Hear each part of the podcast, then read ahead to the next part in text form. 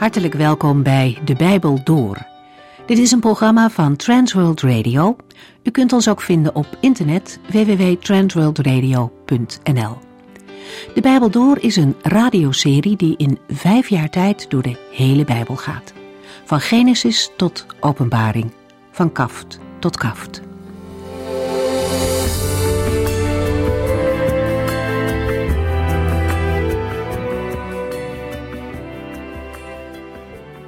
In de eerste verse van 1 Johannes hebben we gelezen hoeveel vreugde de apostel erin heeft gevonden om dicht bij de Here te leven. Het is zoals ook David al zei. U leert mij hoe ik leven moet. Mijn grootste vreugde is dicht bij u te zijn. Johannes kijkt ernaar uit dat velen zullen delen in die blijdschap. In zijn evangelie citeert hij de Heer Jezus die zei, Dit heb ik tot u gesproken opdat mijn blijdschap in u is. Het gaat hier niet om een blijdschap die het gevolg is van prettige omstandigheden. Deze blijdschap ontstaat in de hechte verbondenheid tussen een mens en de Heere. Johannes gaat dan verder in op het leven in gemeenschap met de Heere God. Het is een relatie die veel vreugde geeft, maar ook een relatie die gekenmerkt wordt door licht. God is licht, in hem is totaal geen duisternis, zo stelt de apostel. Door een dubbele ontkenning te gebruiken benadrukt hij de absolute tegenstelling. Er is werkelijk geen spoortje duisternis in God. Dat verklaart ook meteen waarom christenen niet kunnen genieten van de verbondenheid met God en tegelijkertijd leven in de duisternis. Wie dicht bij God wil leven, moet ook in het licht wandelen. De uitdrukkingen licht en duisternis zijn vaak gekoppeld aan het werkwoord wandelen. Leven in het licht of duister, dat heeft alles te maken met het gedrag van mensen. Johannes heeft ons in zijn evangelie grote waarheden doorgegeven over de Heer Jezus, maar hij leert ons ook dat kennis en praktijk geen tegengestelde zijn. Weten en doen horen bij elkaar. Het een kan niet zonder het ander. En toch weten we dat wij mensen niet volmaakt in het licht leven. We lopen er allemaal tegenaan dat we toch nog zondigen. En elke zonde bederft iets van de verbondenheid met de Heer waarin we mogen leven. Laten we vandaag lezen wat Johannes daarover schrijft. Hoofdstuk 1 vanaf vers 7.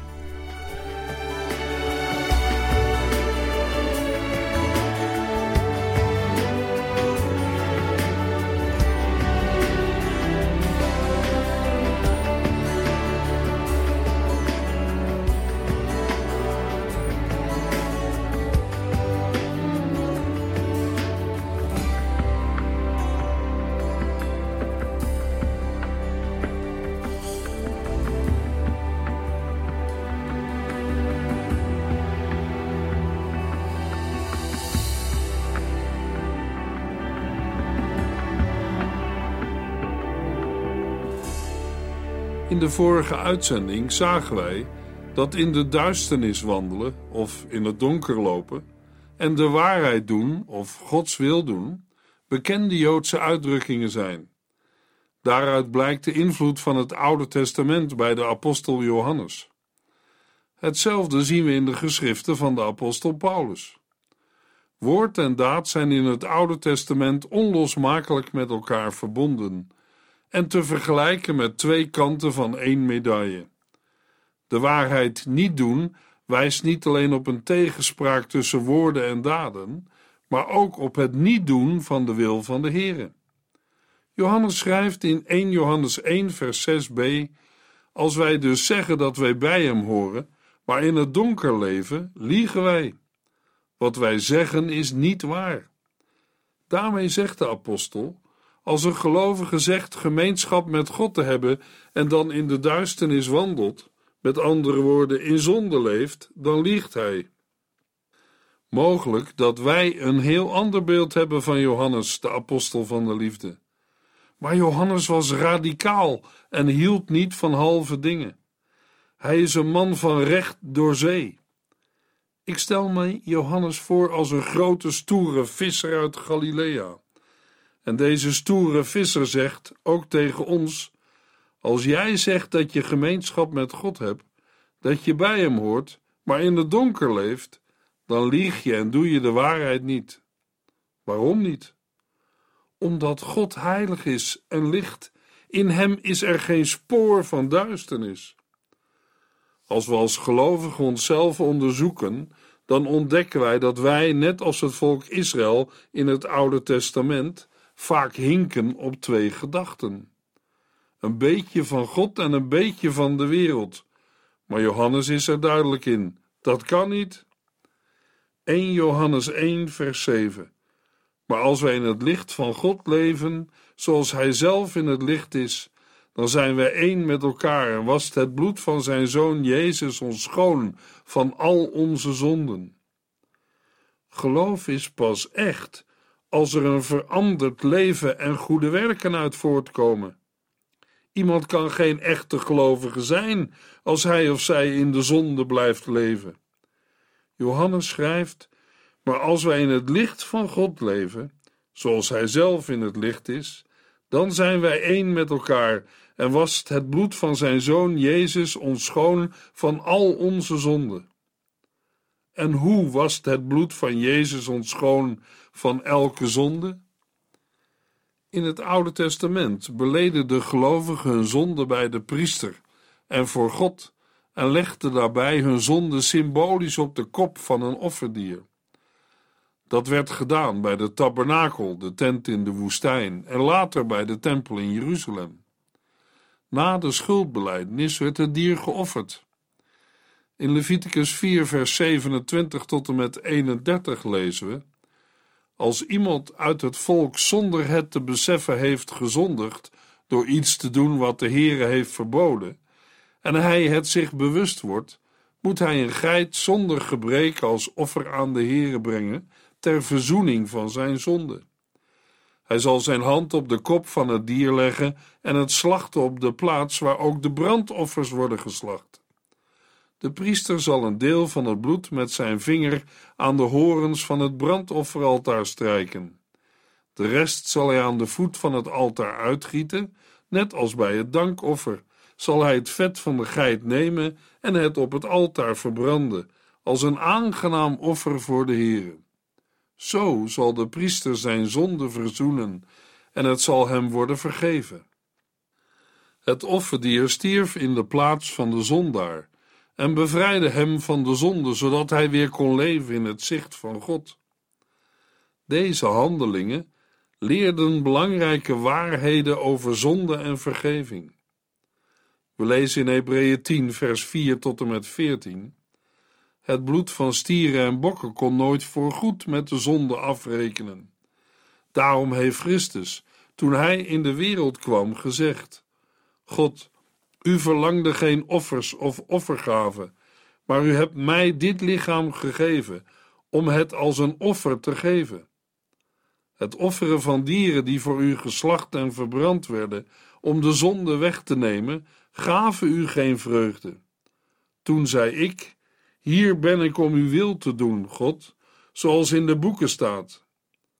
Nadat Christus had gezegd dat God de verschillende offers en gaven die onder het oude verbond vereist waren niet wilde, voegde hij eraan toe: Hier ben ik om uw wil te doen.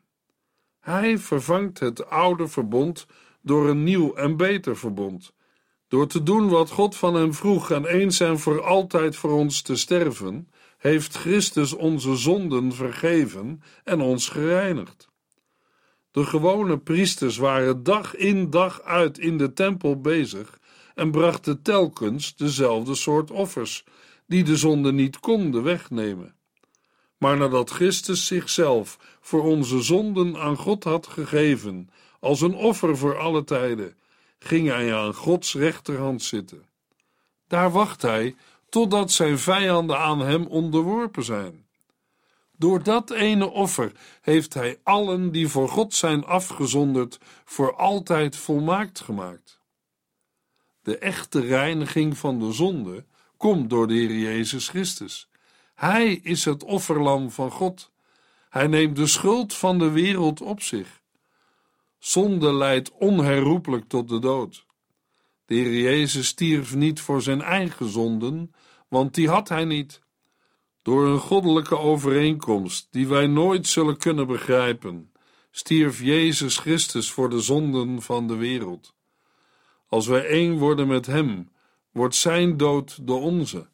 Dan ontdekken we ook dat Hij de straf voor onze zonde al heeft betaald. Zijn bloed heeft ons schoongewassen van al onze zonden. Zoals Hij is opgestaan uit het graf, staat een gelovige op in een nieuw leven met Hem. Paulus schrijft in Romeinen 6, vers 4 tot en met 8. En zoals Christus weer levend is gemaakt door de heerlijke macht van de Vader, zo mogen wij nu ook een heel nieuw leven leiden. Wij zijn dus één geworden met Hem, één in dood en leven. Wij weten dat de persoon die wij vroeger waren niet meer leeft. Die is met Christus aan het kruis gestorven. Zo is er afgerekend met het wezenlijke van de zonde. De zonde heeft niets meer over ons te zeggen. De zonde heeft geen macht over een dode. Als wij met Christus gestorven zijn, geloven wij dat we ook met Hem zullen leven. 1 Johannes 1, vers 8. Als wij beweren zonder zonde te zijn, bedriegen wij onszelf en doen wij de waarheid geweld aan. De dwaalleraars die invloed hadden onder degene aan wie de apostel Johannes schreef, beweerden dat zij niet zondigden en daarom ook geen reiniging van zonden nodig hadden. Daarmee verklaarden zij voor zichzelf de openbaring van God zonder inhoud. Gods openbaring bestond onder andere in het geven van zijn zoon en de offerdood van de Heer Jezus Christus aan het kruis. De opvatting van de dwaalleraars ondermijnde het evangelie dat Johannes had verkondigd. En dat is nog niet alles, want hun beweringen sloten ook voor henzelf de door Jezus geopende weg naar God af. Met deze bewering misleiden zij zichzelf en anderen. Het Griekse werkwoord, wat in het boek vertaald is met de waarheid geweld aandoen, betekent doen dwalen of afdwalen, misleiden. Als ook misleid worden in de zin van verleiden of op een dwaalspoor brengen. Dezelfde woorden die we lezen in 1 Johannes 2, vers 26. Ik vond het mijn plicht u te waarschuwen voor de mensen die proberen u op een dwaalspoor te brengen. Of de woorden in 1 Johannes 3, vers 7. Laat u door niemand iets wijsmaken, vrienden. Een rechtvaardige is iemand die rechtvaardig leeft, zoals ook Christus rechtvaardig is. Misleiden en op een dwaalspoor brengen is typerend voor de werkwijze van de vorst van de duisternis, de duivel, de Satan of de oude slang. In Openbaring 12, vers 9 lezen we erover. De grote draak, de oude slang, ook wel duivel of Satan genoemd, die alle mensen ter wereld verleidt, werd met zijn engelen op de aarde gegooid. En in Openbaring 18, vers 23 lezen we dat Satan met zijn toverij alle volken misleidde. In Openbaring 20, vers 3 lezen we: Daarna gooide hij hem in de onderwereld, sloot die af en verzegelde het slot. Dus kon de oude slang de volken in de komende duizend jaar niet verleiden. Na al die jaren moet hij voor een korte tijd vrijgelaten worden. En in vers 7 en 8 van hetzelfde hoofdstuk 20 lezen we: Als die duizend jaar voorbij zijn, zal Satan uit zijn gevangenis worden losgelaten. Hij zal erop uitgaan om de volken van de vier windstreken, Gog en Magog, te misleiden en aan te zetten tot de oorlog, een menigte zo talrijk als het zand van de zee. Uiteindelijk lezen we in Openbaring 20, vers 10 en de duivel die hen heeft misleid, werd in het brandende zwavelmeer gegooid, waarin ook het beest en de valse profeet waren gegooid. Daar zullen zij dag en nacht gepijnigd worden, voor altijd en eeuwig. In Colossense 2, vers 13 tot en met 15 lezen we: U was dood door uw ongehoorzaamheid aan God, en de macht van de zonde leefde nog in u. Maar nu heeft Hij u samen met Christus levend gemaakt en al uw overtredingen vergeven. Hij heeft ons strafblad dat tegen ons getuigde verscheurd, de lijst met regels waaraan we ons niet hebben gehouden. Dat bewijs heeft hij vernietigd door het aan het kruis te slaan. Op die manier heeft God zich ontdaan van alle heersers en machten. Hij heeft hen in het openbaar te kijk gezet en daarmee laten zien dat zij door het kruis van Christus overwonnen en verslagen zijn. Johannes schrijft in vers 8: Als wij beweren zonder zonde te zijn, bedriegen wij onszelf en doen wij de waarheid geweld aan. Zonde is bij Johannes een van de sleutelwoorden. In zijn eerste brief komt het ongeveer 25 keer voor. Het Griekse woord voor zonde wijst op de gezindheid, de geaardheid waaruit de zondige daden, de zonden, voortkomen. De waarheid is in de geschriften van Johannes Gods werkelijkheid en werkzaamheid in Christus en de Heilige Geest. In vers 8 is waarheid een synoniem van het woord van God. Met vers 8 bestrijdt Johannes nog andere dwalingen, namelijk de gedachte bij sommige gelovigen die beweerden dat zij van nature niet geneigd waren te zondigen. Volgens hen was hun zondige natuur uitgeschakeld en nu konden zij gewoonweg niet meer zondigen. Maar in het beste geval is zo'n gedachte zelfbedrog en in het ergste geval een leugen. De mensen die zo dachten weigerden de zonde serieus te nemen. Zij wilden wel graag tot de christenen worden gerekend, maar zagen niet in waarom berouw en erkenning van hun zonde nodig waren. Het bloed van de Heer Jezus Christus betekende voor hen niet veel, omdat zij dachten dat zo'n reiniging voor hen niet nodig was. In plaats van berouw te hebben en door Christus bloed gereinigd te worden, brachten zij onzuiverheid binnen de kring van gelovigen. In dit leven zal geen christen ooit zo ver komen dat hij niet meer zondigt. Daarom mag een gelovige zijn of haar waakzaamheid niet laten verslappen. De apostel Petrus schrijft in 1 Petrus 5, vers 7 tot en met 9: Geef al uw zorgen en problemen over aan God, want Hij houdt van u en zorgt voor u. Maar ondanks dat moet u de situatie goed inzien en op uw hoede zijn voor de grote tegenstander, de duivel. Hij gaat rond als een brullende leeuw, op zoek naar een prooi om te verslinden. Sla zijn aanvallen af door vast op de Here te vertrouwen. Het is een hele troost te weten dat de christenen over de hele wereld hetzelfde moeten doormaken. Laten ook wij op onze hoede zijn voor de grote tegenstander. Johannes geeft in het vervolg een betere oplossing. Niet beweren dat een gelovige niet meer zondigt, maar de zonde beleiden en om vergeving vragen. 1 Johannes 1, vers 9. Maar als wij onze zonden bekennen, is God zo trouw en rechtvaardig ons die te vergeven. Dan reinigt Hij ons van alles wat we verkeerd hebben gedaan. In de Griekse tekst staat voor zonden bekennen een woord dat de betekenis heeft van hetzelfde zeggen of beleiden. Het wordt op verschillende plaatsen in de Bijbel gebruikt in verband met het beleiden van het geloof. Bijvoorbeeld in 1 Johannes 2, vers 23, waar we lezen: Want wie niet in de zoon gelooft, kent ook de Vader niet. Maar wie in de zoon gelooft, kent ook de Vader. In een andere vertaling lezen we: Wie de zoon beleidt, heeft ook de Vader. Of in 1 Johannes 4, vers 2 en 3: Hieraan kunnen wij weten of Gods geest spreekt. Ieder die erkent dat Jezus Christus een mens van vlees en bloed geworden is, zegt dat door de geest van God. Ieder die dat ontkent, heeft de geest van de antichrist, de vijand van Christus, waarvan wij weten dat hij komen zou, maar die nu al in de wereld actief is. Maar als wij onze zonde bekennen, is God zo trouw en rechtvaardig ons die te vergeven.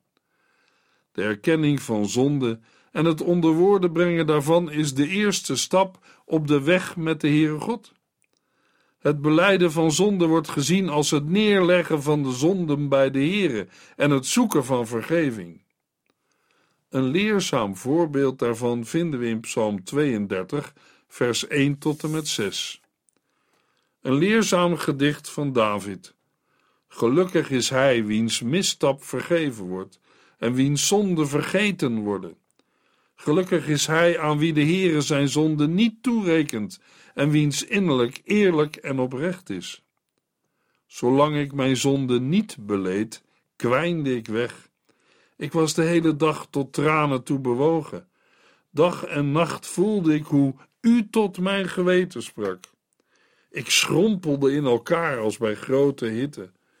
Toen heb ik al mijn zonden beleden en niets voor u verborgen gehouden. Ik zei: Ik zal de Heere alles opbiechten, en toen hebt u mijn schuld vergeven. Laat iedere gelovige veel tot u bidden, nu u zich nog laat vinden. Zelfs al komt grote ellende op hem af, dan nog zult u hem beschermen. En in Spreuken 28, vers 13 lezen we: Wie niet voor zijn zonde uitkomt, kent geen voorspoed.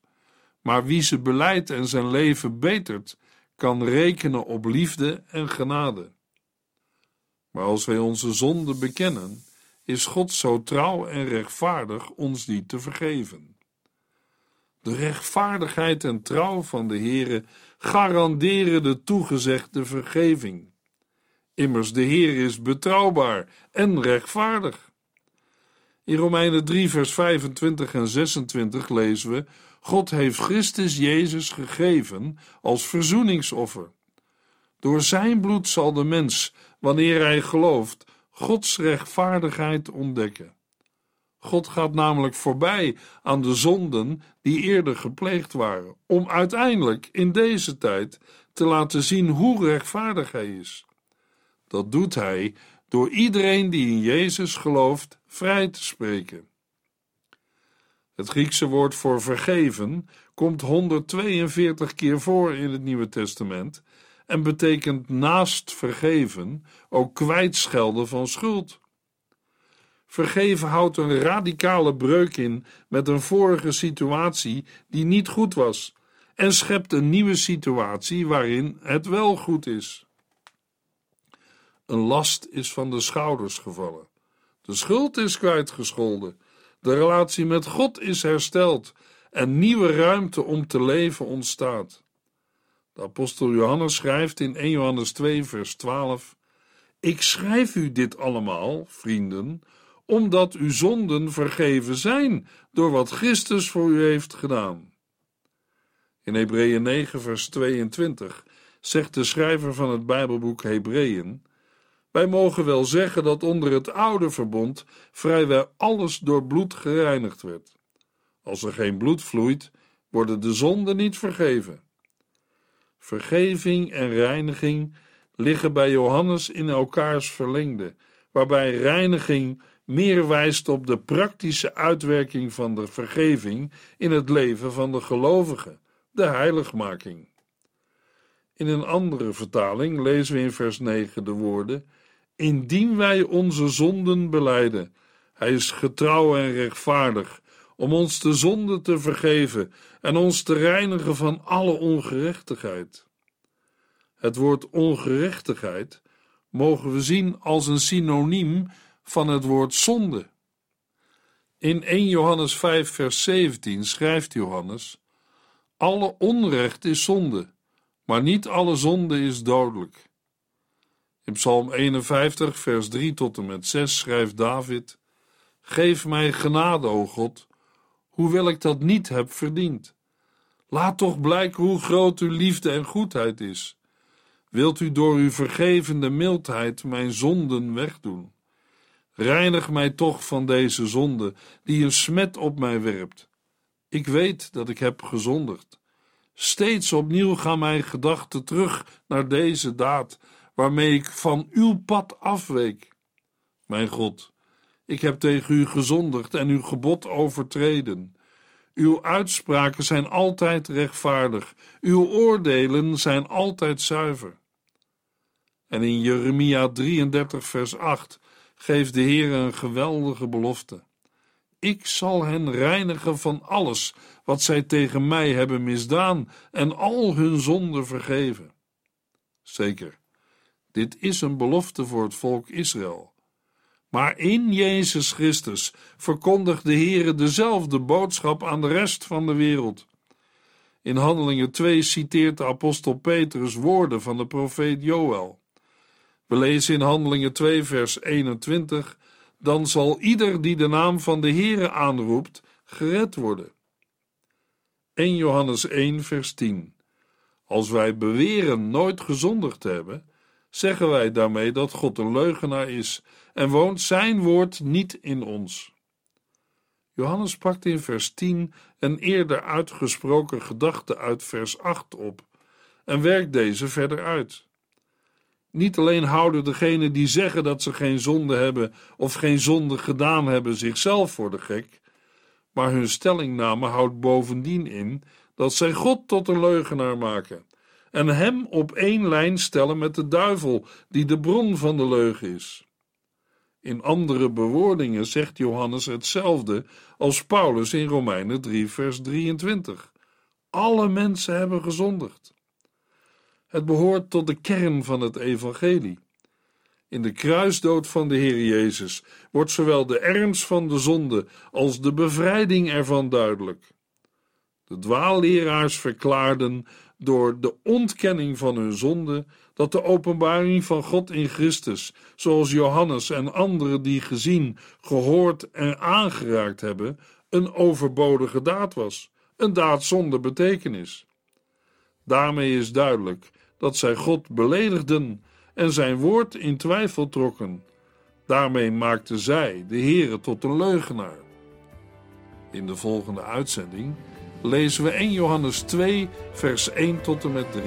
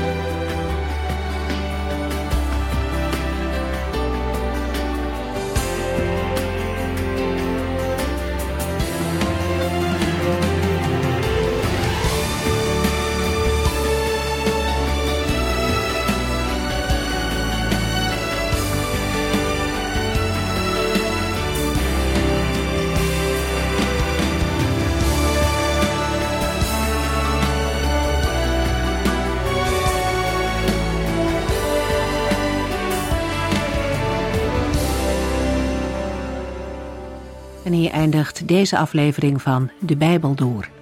Een serie programma's van Transworld Radio. Wilt u ons iets vragen of meer weten? Dan kunt u altijd contact met ons opnemen. Bellen kan overdag met 0342 478432. Per post Transworld Radio. Postbus 371. Postcode 3770. Anton Johannes in Barneveld. En e-mailen kan ook.